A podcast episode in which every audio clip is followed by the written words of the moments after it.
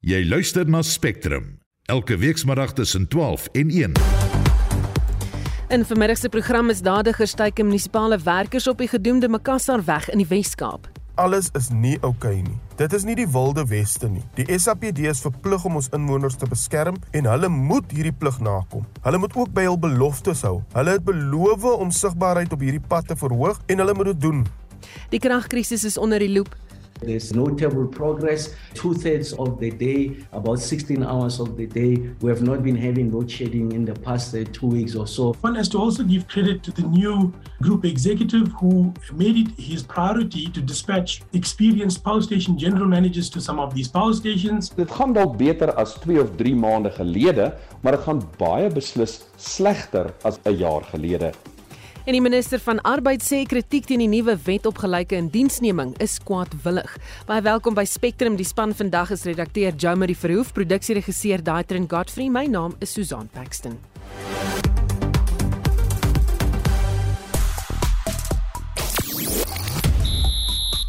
Ja, fyn rond in die Telkom Netballiga lê voor met nog een plek oor onder die top 4 baie veranderinge aan die Afrika Superliga en die onder 16 Grand Komme Rugby Week skop by te Parel af. Ek is Shaun Jooste vir RSG Sport. Ons praat vandag oor wiskunde en die noodsaaklikheid daarvan om 'n beroepskeuse te kan maak met kunsmatige intelligensie wat op alle vlakke van die samelewing ingespan word deur nou op hierdie stadium. Is daar tans die vraag of dit steeds so noodsaaklik is om wiskunde te leer op skool? As jy 'n rekenaar het wat vir jou kan tel, hoekom moet jy kan? Wat dink jy? Stuur 'n SMS na 45889. SMS se kos R1.50 per boodskap. Jy luister na Spectrum elke weekmiddag tussen 12 en 1. So bykans 7 minute oor 12. 'n Noodtoestand teen terrorisme het in die Kremlin van krag gebly selfs na 'n mate van rustigheid teruggekeer het na die hoofstad van Rusland, Moskou, nadat hier soldate van die Wagner groep onttrek het uit die suidelike militêre hoofkwartier. Die groep het aanvanklik beslag gelê op sleutelgeboue in Rostov en toe opgeruik na Moskou. Ons praat nou met 'n politieke ontleder van Unisa professor Dirk Kotse. Goeiemôre Dirk. Goeiemôre Susan. Enige nuwe verwikkelinge aan Rusland se kant hieroor? Dit lyk nie so nie. Dit lyk asof daar baie meer uh, die situasie na normaal toe teruggekeer het in plekke soos Moskou ook.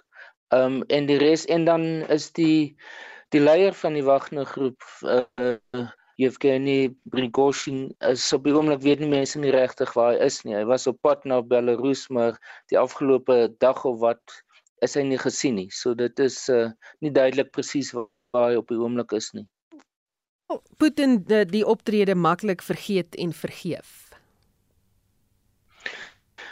Nie vergeet uh, vir beide van die twee dink ek gaan hy nie maklik doen nie. Uh vergeet definitief nie. Uh ek dink dis 'n wending in sy eie situasie. Um ek dink dit het hom die eerste keer uh uitgewys as dat hy kwespunte het, dat daar swakpunte of punte in in sy mondering is wat uh, wat problematies kan wees vorentoe en in omstandighede waar jy jouself voorstel as 'n 'n baie sterk leiersfiguur as 'n autokratiese figuur uh sodra daar swakpunte is dan is dit iets wat wat hoogs problematies kan word want dit is dan waarop die jou opponente gaan konsentreer.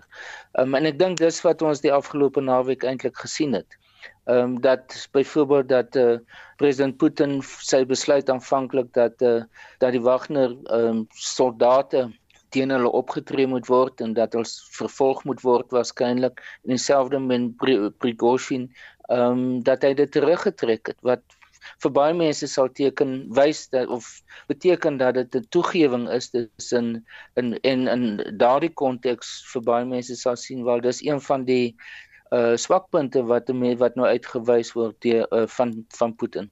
Hmm. Wat is die impak hiervan hier al hierdie gebeure op die president van Oekraïne? Ek dink hy sien dit in as 'n nuwe geleentheid vir die vir vir Oekraïne as geheel. Hulle is juis besig nou met 'n uh, die sogenaamde someroffensief wat blykbaar baie stadig vorder um, en minder as as wat hulle gehoop het. Ehm um, en ek dink wat wat dit miskien vir hulle sal beteken, dit is wat die Europese Unie se leiersfigure ook nou na verwys is dat dit uh, wys dat die die die Russiese uh, situasie of die Russiese gevegs inisiatief nie so solied is soos wat baie mense gedink het nie. Um en dat dit kan wys dat daar krake in in hulle geleedere is en dat daar ook groot meningsverskil kan wees. Ek dink dit is hoekom die minister van verdediging uh, Shogu ehm uh, waar gesien is nou dit is dis nie in uh, op op op 'n film dat hy uh, soldate geïnspekteer het. Nou niemand weet of dit iets is wat nou die afgelope naweek plaasgevind het en of dit uh, 'n film is van baie vroeër nie. Maar dit is wat aan die media nou vertoon is. So dis 'n aanduiding van dat die publiek moet glo dat daar stabiliteit in die Kremlin is en in die Russiese um, oorlogs poging. So dit dis alles tekens van dat daar dit nie 'n gebeurtenis is wat net gekom en gegaan het nie. Um dat dit 'n baie groot impak gemaak op die Russiese situasie en veral president Putin. Hm. Moet die NAVO lande dalk meer uit hierdie optrede of gebeure daar geput het? Nee, ek dink nie so nie. Ek dink nie daar's iets wat hulle onmiddellik daaruit kan doen nie. Uh ek meen NAVO is veronderstel om in 'n sekere sin nog indirek betrokke te wees. Hulle is nie direk in die oorlog in die sin van dat daar soldate in die Oekraïne is en dat daar vlieëniers van van ehm um, NAVO of Europese Unie lande is wat direk deelneem aan die oorlog. Ehm um, so dit is nie iets waarop hulle onmiddellik kon konsentreer deur byvoorbeeld 'n 'n nuwe offensief te kon begin of so iets nie. Ehm um, dis in elk geval te kort nou daarvoor. Uh dit se dag of twee na die na dit wat Saterdag gebeur het.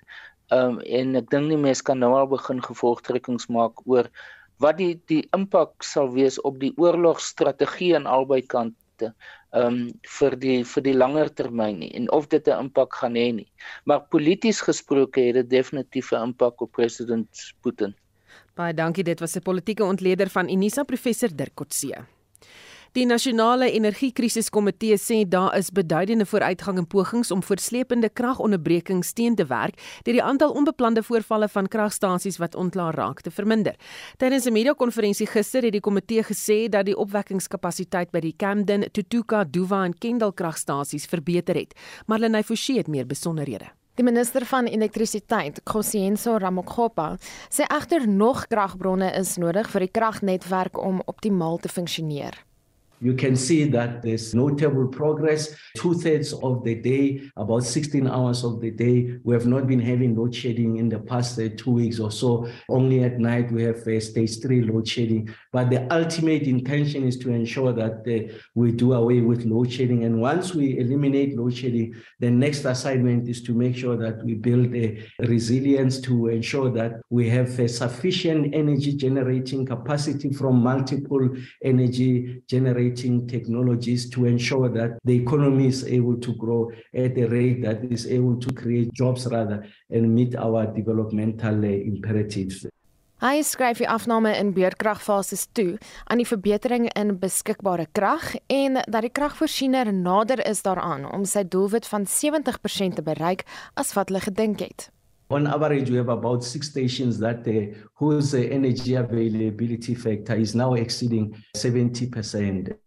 Giving appreciation just uh, yesterday, Camden, which is one of the, the stations that was meant to be closed uh, now, it's giving us about uh, eight on Friday rather gave us a uh, an EAF of uh, 81%. So you can see that there's a consistent uh, improvement there. And if uh, the unit one, two, three of Kusile comes on stream, the EAF will be flexible with about to about 70%.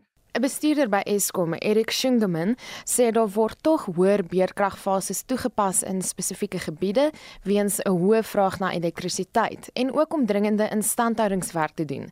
Dit kan beteken dat die betrokke gebiede in die oggendfase 1 beerkrag sal hê, maar later die aand fase 4. About a month ago we were trending anything between 18,500 to 19,000 in breakdowns. And when you now see the breakdown performance, it trends between 14,500 and 16. If you remember when we actually communicated the winter outlook, we were very specific about bringing breakdowns to below 15,000. And I think one has to also give credit to the new group executive who made it his priority to dispatch high experienced power station general managers to some of these power stations Eskom sê hy gaan 'n winterveldtog loods en het 'n nuwe diensverskaffer aangestel om die vraag na elektrisiteit met 1000 megawatt te verminder. Die verslag deur Mpumelelo Mapalala, ek's Marlene Forsie vir SAK nuus. Minister Ramakgopa het ook gewaarsku dat Suid-Afrikaners versigtig moet wees om te vinnig te veel sonkrag by die nasionale kragnetwerk te voeg. Volgens hom kan dit lei tot die ineenstorting van die netwerk en vir sy mening hieroor praat ons nou met 'n onafhanklike energiekommentator Corneel Skabord. Goeiemôre Corneels. Goeiemôre Susan. So, wat wil die regering en Eskom nou eintlik hê? Moet ons hernubare krag gebruik of moenie? Wat wat sê hulle nou eintlik? Wel, ek dink hulle is besig met 'n uh, bietjie oorreaksie as ons kyk. Ons elektrisiteit tans word opgewek min of meer 84, meer as 80% van ons elektrisiteit kom uit steenkool uit. Wind en son is is om en by 10%, so 7% uh son en en 4% wel, so 4% is son, 7% is wind. So dis 'n baie klein deel. So die die voorbeeld wat Ramagoppa gebruik van in Vietnam waar daar probleme is, daar moet ons weet, daai was 'n noemenswaardige hoeveelheid sonkrag wat tot die netwerk gevoeg is, maar die rede hoekom daar probleme was, was nie as gevolg van die sonkrag nie. Ek het opgelees daaroor. Hulle vra tans in Vietnam vir sonkragprodusente om terug te sny op hulle produksie. Die probleem lê nie by die produksie van elektrisiteit nie. Die probleem lê by die kapasiteit van die netwerk. En dis dieselfde probleem wat ons in Suid-Afrika tans het. Ons het klomp privaat investeerders wat wil son en wind toevoeg tot die netwerk. Ons groot bottleneck op hierdie stadium van die geveg is 'n gebrek aan kapasiteit op ons netwerk. So die probleme waarna Ramagoppa verwys, ons is in die eerste plek nog baie ver van daai punt waar sonkrag noemenswaardig 'n verskil gaan maak tot ons elektrisiteitsvoorsiening en tweedens ek sal eerder fokus op die uitbreiding van die netwerk om seker te maak daar's voldoende kapasiteit sodat as hierdie addisionele sonkrag bygevoeg word dat dit nie 'n probleem sal wees vir die netwerk nie. Hmm. So met ander woorde daar is nog nie soveel sonkrag krag beskikbaar dat dit 'n probleem vir die netwerk kan wees nie. Inderdaad Susan, ons praat van 4%. Dit is 'n druppel aan die emmer. Die die, die res word deur son ag deur deur wind ook 'n redelike klein deel, maar dit is maar hoofsaaklik steenkool en en en kernkrag wat vir jou of aan of af is. Die ander probleem natuurlik wat ons sit hiermee Susan is sonkrag is 'n bietjie meer fluktuerend van aard waar 'n uh, steenkoolstasie is of aan of af. Uh kernkrag of aan of af. So dit is ook 'n uitdaging, maar ons weet dit in die res van die wêreld het al daarbey aangepas in die eerste wêreld. Jy gaan moet 'n netwerk hê wat meer fluktuerend van aard is, wat kan aanpas, wat meer dinamies is. En om te kyk na Vietnam is dalk nie die slimste plan nie. Kyk eerder na 'n plek soos Suid-Australië waar daar wonderlik met hernubare krag gewerk word en waar dit nie 'n probleem gee nie. En dan ook, ek bedoel ons het party Europese lande wat by tye tot 100% van hulle elektrisiteit uit hernubare bronne verkry het. So dit is moontlik, ons moet net bykom en dan sal dit nie 'n probleem wees nie. Hmm. Jy het ook gehoor die minister meen daar is verbeterde kapasiteit um, en ons weerkragfase is nou heelwat laer as vorige maande, maar ons het byvoorbeeld by Nampo ook gehoor dat uh, ons kort nuwe kapasiteit nie weet ten hmm. spyte van wat Eskom is. Ja, Susan, ek luister na wat mense sê um, en dit is goed. Ek bly dis dis goed dat ons minder beerdkrag hierdie dag het, maar ek dink mens moet appels met appels vergelyk. Ek gaan 'n jaar terug, dan kyk ek waar was ons Junie 2022. Junie 2022 het ons ook nie hierdie dag beerdkrag gehad nie, maar as ons dan wel beerdkrag gehad het, was dit slegs tussen 5:00 en 10:00. So en dit was dan net fase 2 beerdkrag. So om om die idee te skep dat dit beter gaan. Ja, dit gaan beter as 'n maand terug. Ek gee toe. Maar dit gaan nie regtig beter nie. En as mense dan kyk, hulle praat baie van die energiebeskikbaarheidsfaktor. Ek dink net die luisteraars moet mooi luister. Ek kan ook gaan en selektief sekere steenkoolstasies se energiebeskikbaarheidsfaktore met die mense deel en sê dis bo 70, dis bo 80%. Dis egter baie Ehm um, ja, ek weet nie, jy jy's besig om mense tot 'n mate bietjie te mislei. Jy moet kyk na die gemiddelde energiebeskikbaarheidsfaktor en ons is steeds nie op die vlak van energiebeskikbaarheid waar ons was 'n jaar gelede nie. So ons is jaar op jaar is ons onder daai daai punt. En um, ek ek dink dis net nodig om dit te besef, maar jy's 100% in die kol. Ons het nie nodig, ek bedoel dit voel vir my asof Eskom probeer ons uit elektrisiteitsverbruik te bestuur. Sit jou geyser af, sit jou pomp af, sit jou ligte af. Sit die elektrisiteit af, dan het ons in elk geval nie beurtkrag nie, maar jy het dan net ook nie elektrisiteit in jou huis nie. Maar die feit van die saak is daai is nie 'n volhoubare oplossing nie. Ons het addisionele kapasiteit nodig en ek sien ook dat die beloftes wat gemaak is vir einde 2024 is dalk oor optimisties. Ons kyk dalk eerder na 2025, maar ons het met ander woorde, wat het ons nodig? Ons het meer kapasiteit op die netwerk nodig sodat beide of dit nou privaat of publiek is dat ons meer elektrisiteit kan kan opwek en byvoeg tot die netwerk om die probleem so op te los. Baie dankie, dit was 'n onafhanklike energiekommentator Corneel Skabort. Die ANC sê die herlewing van die party in die Wes-Kaap het die afgelope naweek begin met die verkiesing van Voyiso Tailesiso as die provinsiale voorsitter van die ANC in die Wes-Kaap. Die ANC staan voor 'n reuse taak om die provinsie volgende jaar terug te wen.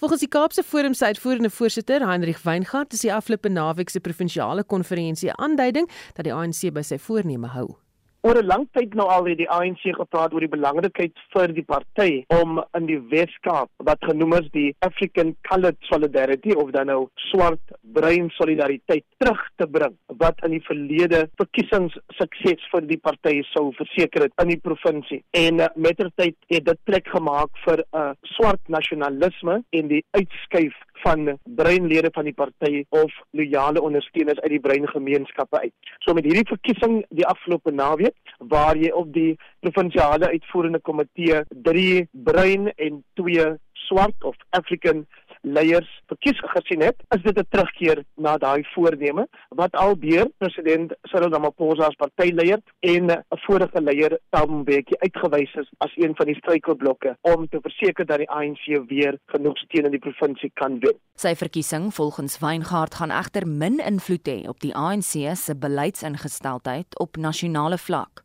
Die is steeds maar gemik daarop dat Black African of swart altyd die meeste voordeel moet geniet ten koste van minderhede waarby die breinmense ingesluit is. In 'n onderhoud op Monitor vanoggend het die voormalige ANC-voorsitter in die Wes-Kaap, Cameron Dugmore, verwys na sekere groeperings wat vra dat die Wes-Kaap onafhanklik van die nasionale regering moet wees. Weingart het so daarop gereageer daar waar die nasionale regering opmors met daai magte na die Weskaapse provinsiale regering afgewentel word. Met ander woorde, uh, vir alles kom by 'n kwessie soos polisieering of misdaadbekamping. Die belangrikheid daarvan is dat daar sou nie 'n oproep gewees het vir sê dit algehele onafhanklikheid is of die afwendeling van magte indien die ANC verseker het dat hy sy rol as nasionale regerende party behoorlik uitgevoer het nie. Dit gebeur nie tans nie en dis hoekom ons hierdie kwessie op die tafel het.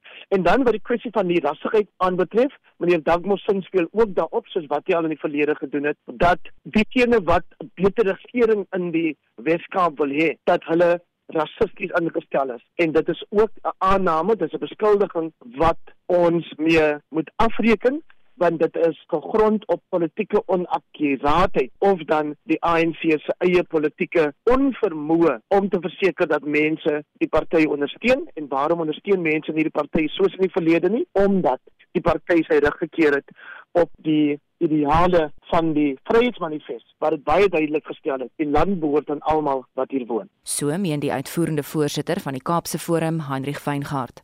John Marie Verhoef vir SAK nuus Die kommissie vir gelyke indiensneming se verslag wys dat transformasie in die werksplek stadig plaasvind.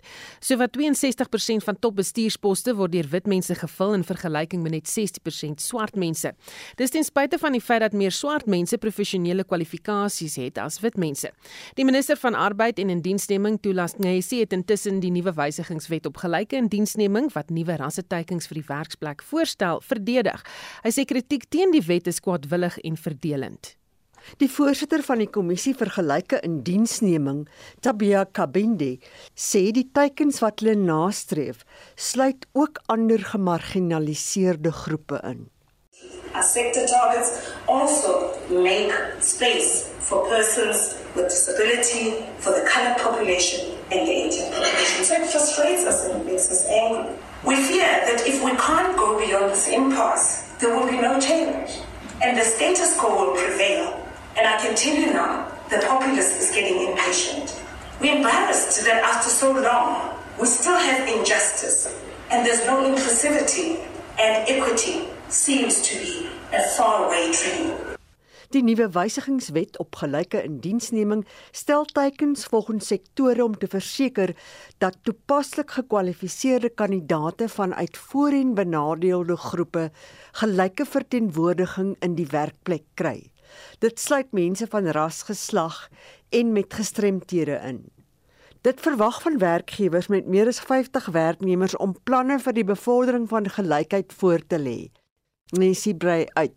I was rather surprised by the controversy surrounding them, including completely false claims that South Africa stands to lose hundreds of thousands of jobs, which could adversely affect citizens, particularly those from the colored and Indian communities. It's nonsense. It's important to highlight that both the Constitution as well as the Employment Equity Act does not allow any employer to dismiss or terminate a contract of employment or retrench any employee, whether from the black or the white community, to make space for the implementation of affirmative action or sector EEE targets.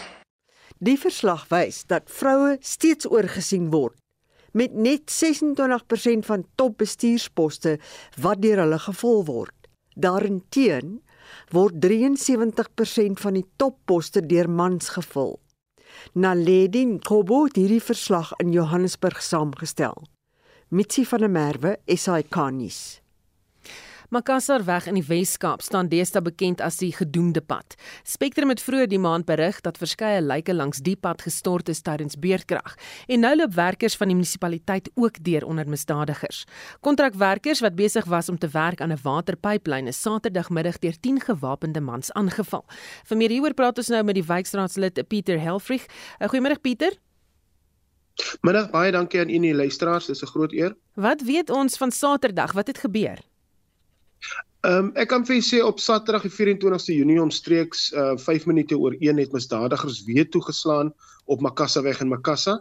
Die stad Kaapstad het kontrakteurs daar wat besig is om 'n pypleiding van 400 mm deursnee te bou om die twee um, behandelingsuitvloei waternetwerke in die wijk te verbind. Ehm um, ek was minute nadat die insident gebeur het op die toneel en kon toe self praat met die slagoffers. Nou die slag, nou die drie slagoffers het my verduidelik dat 10 gewapende mans daar opgedaag het um, waar hulle werk met 'n wit 1400 Nissan bakkie en het hulle na die grond toe gedwing. Die slagoffers het bevestig dat al die mans gewapen was en aggressief aan hulle verduidelik het dat as hulle nie saamwerk nie sou hulle geskiet word. Uh die drie werkers is van hul selfone en geld beroof. Hulle het ook die sleutels van een van die werkers se motors geneem en hulle vyf van die gewapende mans is toe weg in die blou City Golf wat hulle gevat het van die werker en dan die ander vyf is toe dan weer weg daarso van die toneel af uh, met die bakkie wat hulle daar opgedag het mee. Hm. Nou jy het jou frustrasie met die polisie in die Weskaap bespreek. Het hulle al, soos voorheen beloof, polisie teenwoordigheid op hierdie pad toe nou verbeter? Ek kan nie sê dat ons baie gesprekke gehad het met die plaaslike polisie um um, um met die provinsiale polisiebeamptes uh en management. Ons het nie 'n probleem met ons plaasie, plaaslike polisiebeamptes nie. Hulle ons voel hulle doen wat hulle kan met wat hulle het. Maar ongelukkig het hulle nie genoeg hulpbronne nie en hulle hulle is onderbeman. Nou ons het nou al baie gepraat met die provinsiale ehm um, polisie bestuur. Hulle het ons beloof dat hulle in die wijk en veral op hierdie pad ehm um, uh, visibility of sigbaarheid sal verhoog. Um, maar dit is duidelik dat dit nog nooit gebeur het nie. En eh, sê gou vir my een van die getuies, hulle wil nie hulle name gee nie uit vrees vir hulle lewens, maar wie is hierdie aanvallers, weet hulle? Ons kan bevestig dat die aanvallers definitief nie van die wijk af is nie. Ehm uh, maar die rede hoekom die slagoffers nou nie wil praat nie is omdat hulle voel dat hierdie ehm uh, misdadigers hulle dopgehou het vir 'n tydjie. Ehm um, en hulle vrees nou vir hulle vir vir, vir hulle lewe. Uh want hulle sê ehm um, die misdadigers het presies geweet wie die sleutel van die kar het. So dit beteken dat hulle dat hulle dopgehou was. En sê vir my gaan julle iets self probeer doen om hierdie misdaadprobleem op te los? Um, ek kan vir julle sê ons um, ons patrolleer hierdie pad met met ons buurtwag. Ehm um, maar ongelukkig is ons buurtwag nie 24 uur beskikbaar nie. En uh, ons nodig die polisie om asseblief te doen wat hulle gesê het hulle sal doen. Hulle het ons beloof dat hulle hierdie pad sal patrolleer. Hm. En ons het ook vroeër die maand met jou gepraat oor vier lyke wat in 8 dae op hierdie pad gestort is. Is daar al meer duidelikheid oor hierdie gebeure? Kyk, ons het nou nog niks ehm um, ehm um, duidelikheid gekry oor die drie lyke wat op die pad gestort was nie.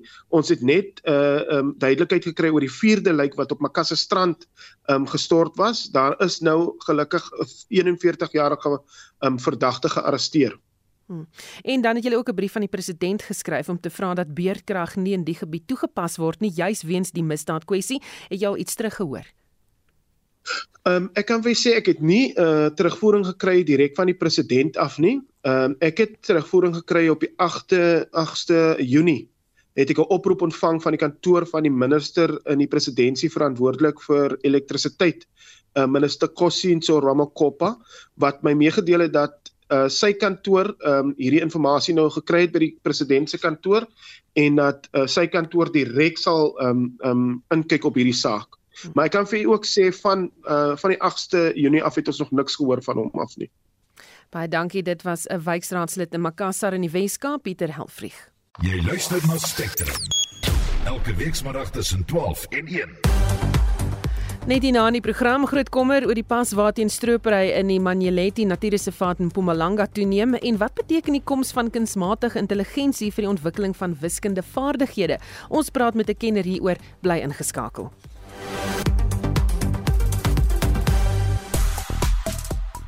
Nou ons praat oor die koms van kunsmatige intelligensie en wat beteken dit vir die ontwikkeling van wiskundige vaardighede? Het jy nog nodig om wiskunde te doen as 'n rekenaar vir jou dit kan doen? En uh, iemand wat sê beslis is dit nodig al gebruik jy nooit wiskunde nie, stimuleer dit sekere dele in die brein wat jou regdeur die lewe sal help. Dieselfde met literatuur en kuns. Lees, kreatiwiteit en wiskunde gee vir jou 'n sterk verbeelding en help jou denkwyse in verskeie maniere. Dan sê 'n luisteraar wiskunde bly noodsaaklik want dit leer jou die stappe van hoe om die probleem op te los terwyl die rekenaar nie 'n antwoord kan gee as jy nie vir hom sê wat die probleem is nie. En dan 'n luisteraar wat sê dis nodig vir 'n mens om wiskunde te kan doen omdat 'n mens nie 'n lintworm is nie. Hoe niks werd wil die mensdom wees. Uh so daar klop mense wat saamgesels oor uh, hierdie en sê nee nee nee, jy gaan nog altyd wiskunde nodig hê, maar jy kan steeds saamgestel. Stuur 'n SMS na 45889. Onthou SMS se kos R1.50. En Shaun Jooste sluit nou by ons aan vir die sportnuus. Goeiemôre Shaun. Goeiemôre Susan. Die Telkom Netbal Liga eindstryd vind Saterdag in Tshwane plaas en ons het vandag 3 lekker wedstryde in die Premier Liga. Maar hoe lyk die punteleer en wie veg nog vir 'n plek in die halfeindronde? Ja, die liga voorlopers Vrystaat Crimes uh, skuur op die oomblik skouers teen die Noordwes Flames en dan vanmiddag 4uur is dit die huidige kampioene Gauteng Golden Fireballs teen die KZN Kingdom Stars en dan vanaand 6uur die Weskaap Southern Stings teen die Ooskaap Allows en nou op die oomblik is die Crinums Golden Fireballs en natuurlik die Jaguars verseker van 'n plek in die laaste 4 En as mens kyk na hoe die seisoen verloop het, sal die laaste plek onder daardie top 4 deur die Southern Stings en Flames uitgespook word. Ek sien die president van Afrika Voetbal Patrice Motsepe sê die Afrika Superliga sal nou eers in Oktober afskop en ook net met 8 spanne. Boonop kan die naam ook dalk verander. Ja, die toernooi sou in Augustus begin met 24 spanne en heidaglik is daar nogal baie ontevredenheid oor watter ag spanne kan en sal deelneem. Nou dit lyk of Mamelodi Sundowns wel betrokke sal wees en volgens Motsepe is die borge ook nie tevrede met die konnotasie wat die woord super dra nie. Nou hy verwys natuurlik na die Europese Superliga wat in 2021 gestig is, maar basies in 48 uur platgeval het weens ondersteuner ontevredenheid. Die onder 16 Grand Commonwealth week het ook vanoggend by die hoër landbouskool begin. Ja, die onder 16 week vind oor die volgende 4 dae by Hoër Landbouskool by Te Parel plaas. 20 spanne neem vandag, môre en donderdag deel en beoog om Suid-Afrika se beste onder 16 span te wees. Een van die dag se groot kragmeting sluit in die Haie teen die Bulle wat op die oomblik aan die gang is en dan vanmiddag 20 voor 4 is dit WP teen Boland. Baie dankie, dit was Shaun Jooste van RSG Sport. Spectrum, jou middagnuusprogram op RSG. Sy 25 minute voor 1 met kunsmatige intelligensie wat op alle vlakke van die samelewing al meer ingespan word, is daar tans die vraag of dit steeds so noodsaaklik is dan om wiskunde te leer op skool. Dis veral wanneer studente toelating tot hoër onderwys geweier word wat die vraag opduik. Ons praat nou met Adèle Hartley, primêre wiskunde lektor by Stadio. Uh, Goeiemôre Adèle. Goeiemiddag Susan en goeiemiddag aan die luisteraars. Nou as kunsmatige intelligensie vir ons kan berekeninge doen, hoekom moet ons dan nog wiskunde op skool leer? Ek ek kan dieselfde vraag vra as ons ehm um, kunsmatige intelligensie vir ons opstelle kan skryf en goeters kan voorlees en aldag gedoen. Hoekom moet ons nog leer lees? Uh, dit is 'n getalbegrip of syferbegrip. Is 'n fundamentele begrip wat ons moet ontwikkel. Dit is nie oor somme doen nie. Dis oor om die begrip van getalle te verstaan en ook wiskunde die veld van wiskunde is soveel meer as net somme. Ehm um, wiskunde is oor ehm um, oor die omgewing, oor uh driedimensionele, tweedimensionele begrip. Dit gaan oor data hantering en vandag is soveel goed op statistiek gerig. As jy nie getalbegrip het nie, gaan jy Eh, nie regtig kan goeie besluite neem oor watter selfoonkontrak om uit te neem of om uh, as daar goeders op die nuus is om dit te kan beoordeel en sê maar dit maak nie sin nie. So dis 'n tipe wiskunde is baie meer as net somme doen. Dit is baie belangrik. Hoe berei wiskunde studente voor vir die kompeterende werksmag? Wat ons hulle leer is baie belangrik en dat die fokus meer op probleemoplossing moet wees is vir my 'n groot 'n groot ding waaroor ek sterk voel.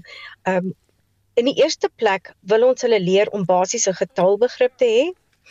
En jy gaan nie jy gaan nie die hele tyd 'n sakrekenaar wil uitdruk nie, maar die belangrike ding is jy moet daardie getalbegrip en syfergeletterdheid kan toepas in die wêreld van werk. Soos jy sê, um kunsmatige intelligensie, sakrekenaarsprogramme kan soveel goed doen wat mense voorheen self moes doen. So nou moet ons weet hoe om daai goed te gebruik en hoe om in die eerste plek soos een van jou uh, luisteraars gesê het in die SMS'e wat gestuur is, ons moet weet wat 'n vraag om te vra in die eerste plek en dan om daai antwoorde te kan interpreteer. En dit is hoe ons in die skool meer ek voel baie meer moet fokus op probleemoplossing en wiskundige denke ontwikkel eerder as berekeninge. So tot watter mate beperk laer of swak wiskunde uitslaa dan wel jou beroepskeuses? Soos ons gesê het, wiskunde is oor meer as net somme doen. En die wiskunde wiskunde is soos 'n uh, voertuig wat jy gebruik of 'n ding wat jy gebruik om jou denke te ontwikkel en om te kan probleme oplos, om abstrakte denke te kan ontwikkel sodat jy probleemoplossing kan toepas in jou werkplek. Nou beroepe wat ehm uh, meer gesog is, hoe meer gesogge beroep is, hoe hoër vlak van denke en toepassing en probleemoplossing het jy nodig. En daarom hoe meer hoe beter ons doen in ons wiskunde en ons wiskunde onderrig, hoe beter beroepe kan ons kinders dan toegang toe kry. So dit gaan nie oor die wiskunde wat nodig is in 'n uh, spesifieke vakgebied nie. Jy kan sien dat jy trigonometrie nodig het as jy ingenieurswese gaan studeer byvoorbeeld, maar hoekom het jy dit nou nodig as jy medies gaan swat? En maar dit is die tipe denke en die vlak van denke en die abstrakte manier van ehm um, jou kognitiewe uh, denke wat die wat die kritiese ding is. Uh die somme is net die voertuig wat ons gebruik. Baie dankie. Dit was Adel Hartley, primêre wiskunde lektor by Stadio en klink vir my as jy teen wiskunde is soos hierdie persoon van Rustenburg wat 'n SMS gestuur het anti-wiskunde van Rustenburg wat sê ek dink sommige wiskunde is nodig, maar daar's ook wiskunde wat kinders so negatief maak oor skool gaan heeltemal onnodig en tyd mors. Nou ja, ek dink uh, jy is nie jy gaan nog steeds met wiskunde doen al hou jy nie daarvan nie. Dit eh, maak vir jou baie deure oop. Die swak toestand van die heining by die Manyelenti Natuurreservaat in Mpumalanga maak dit maklik vir misdadigers om die reservaat binne te gaan.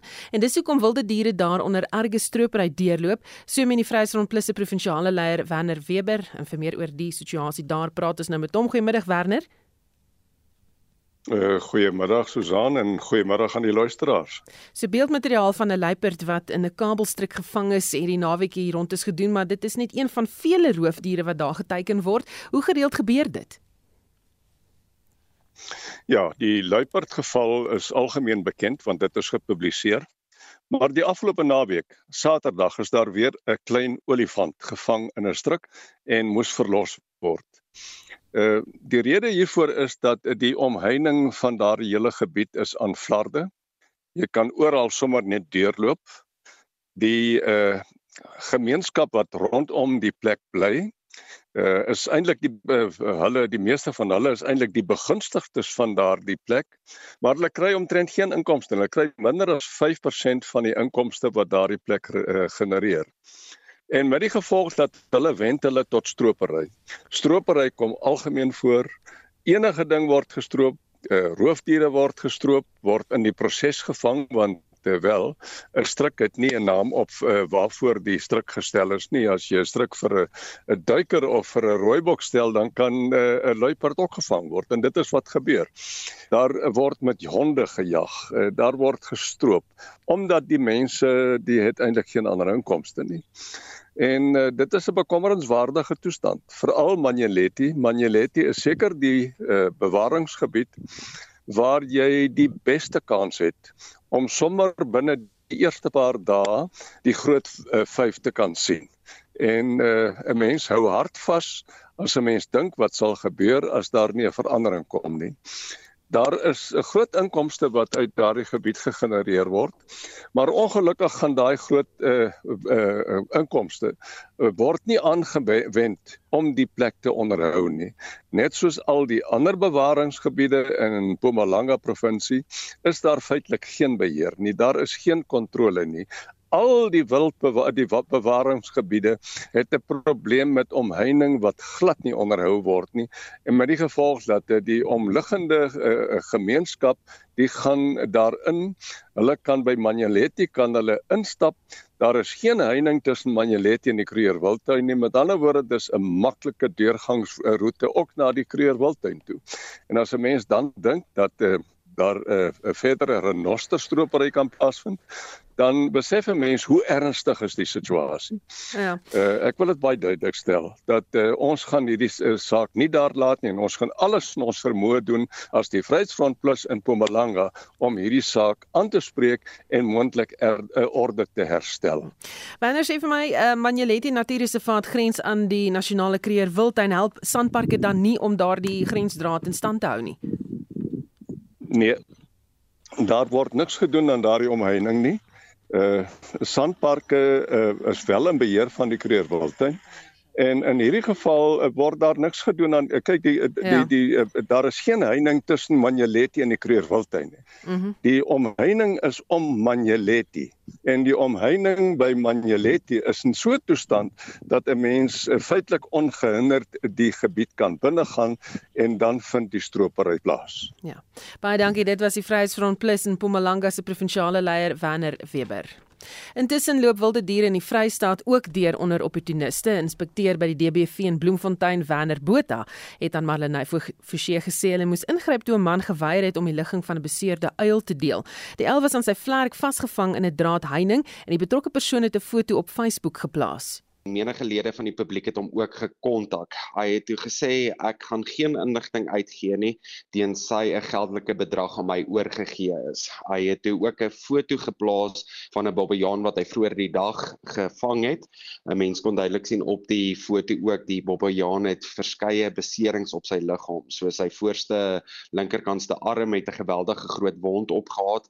Ons het toe na 'n lang gestruikelry het ons sy adres gekry en ons het toe deurgery waar ons toe die uil gaan losknip het. So die persoon het geweet van die uil wat in die draad vassit vir minstens 4 dae wat hy net versuim het om enigiets te doen. Die man het agtergekom dat die DBV op sy spoor is en het die bobbejaan toe vrygelaat. Ons het 2 dae spandeer om na deur die berge te probeer kam om die bobbejaan op te spoor.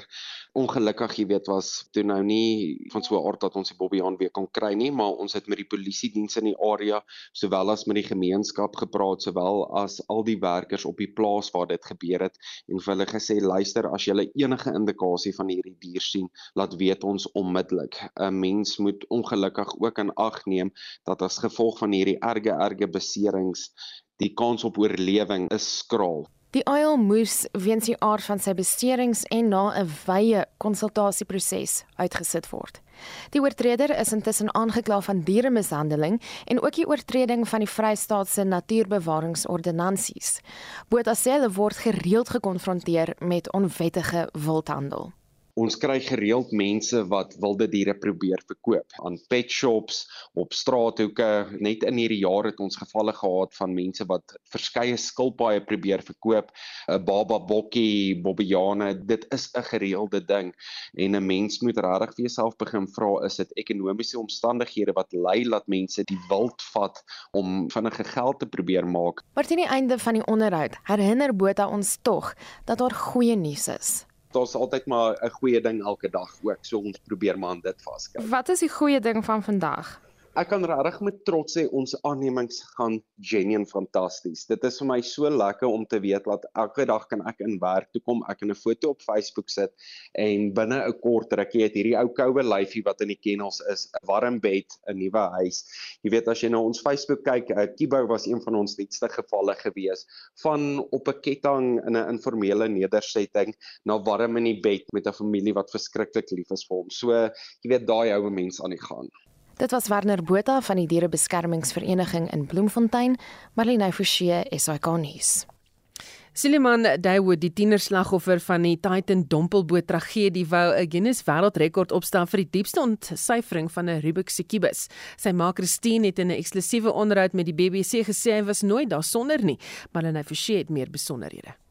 Okay, so Suleiman has told us that he can fix the cube in uh, nine seconds. Yeah.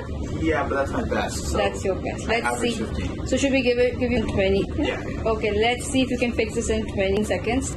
Starting now.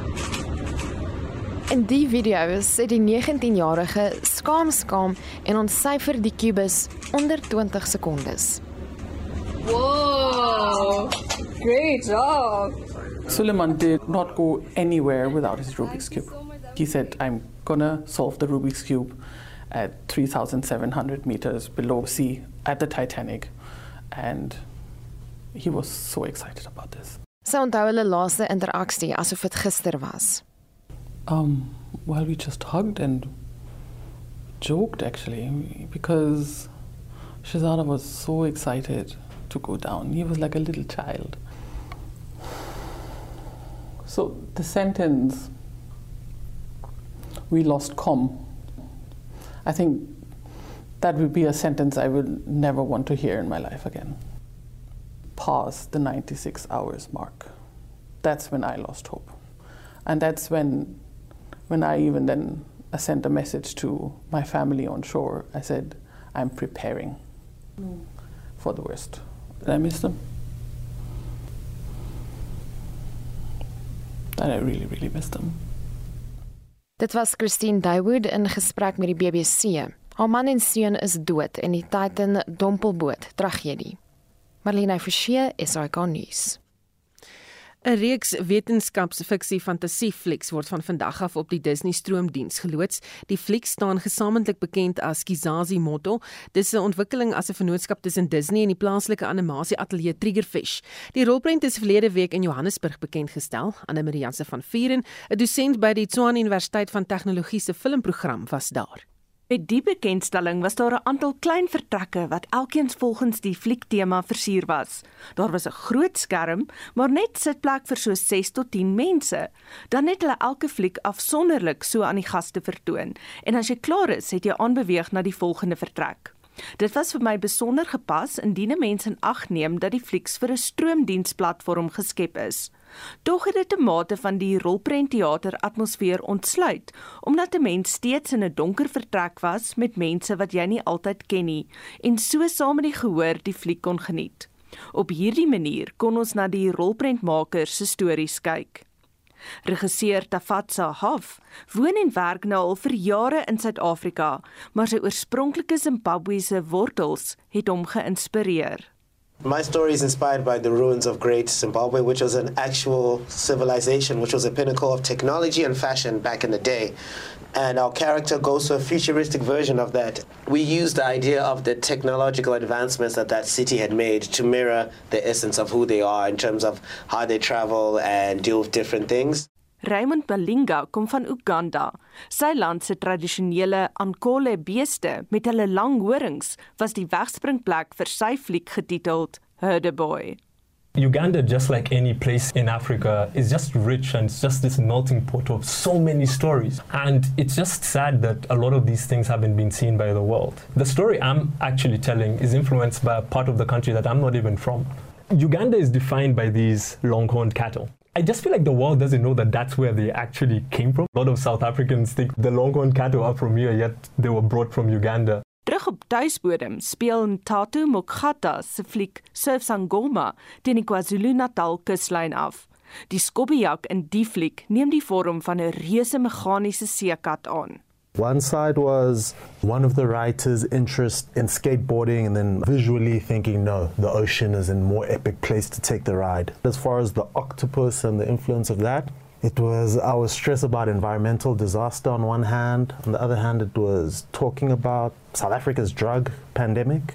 And that's kind of what the octopus represents teenagers and peer pressure on one side, just the way drugs are such a part of youth culture. And then athletes also needing to stay away from it. Dit was die regisseur Ntata Mkhatha en ek is Anne Marie Jansen van Vuren vir SAK nuus. Marlenae Forsie sluit nou by ons aan met 'n samevatting van die afgelope uur se hoofnuus gebeure Marlenae. Ons begin in die parlement waar die mosie van wantroue teen die openbare beskermer Bosisiwe Mqwebane veronderstel is om te hervat. Nou ons verslaggewer Joseph Mosia het vroeër laat weet daar is nog geen nuwe inligting of verwikkelinge nie, maar ons hou dit dop en sal jou op hoogte hou van sake soos wat dit vorder.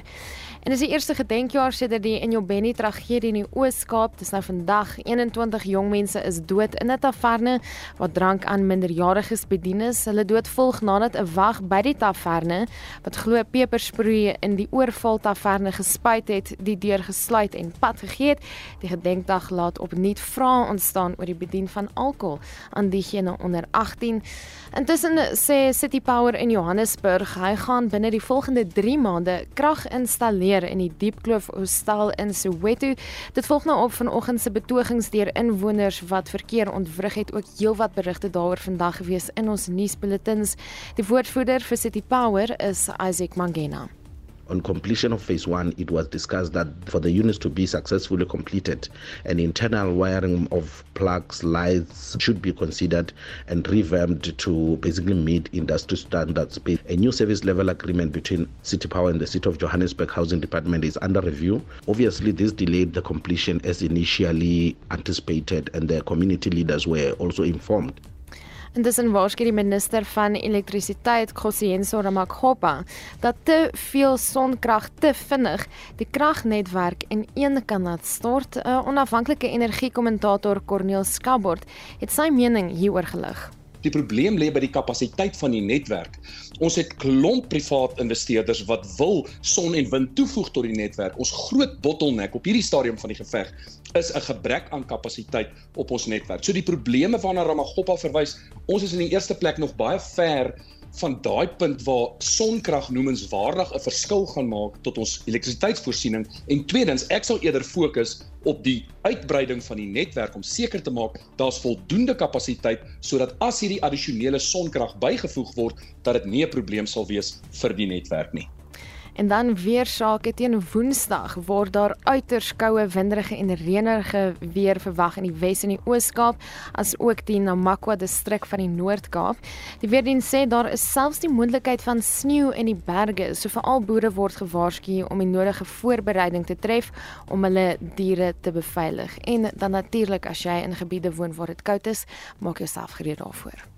En dit was Marlenae Forsie met 'n samevatting van die afgelope uur se hoofnuus gebeure.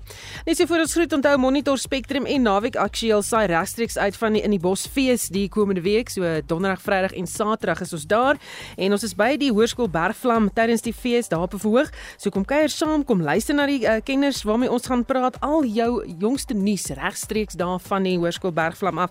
Ons gaan praat met politieke partye, ons gaan praat met slangvangers, dalk het hulle 'n slang of twee saam met hulle daar. Ons is Petronella Nieuwoud wat gaan praat oor renosterwesies en nog vele meer. So kom kuier saam, kom gesels saam, kom groet, kom sê hallo as jy daar in daai omgewing is.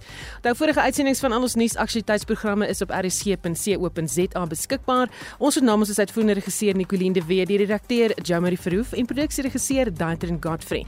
My naam is Susan Paxton, bly ingeskakel vir 360.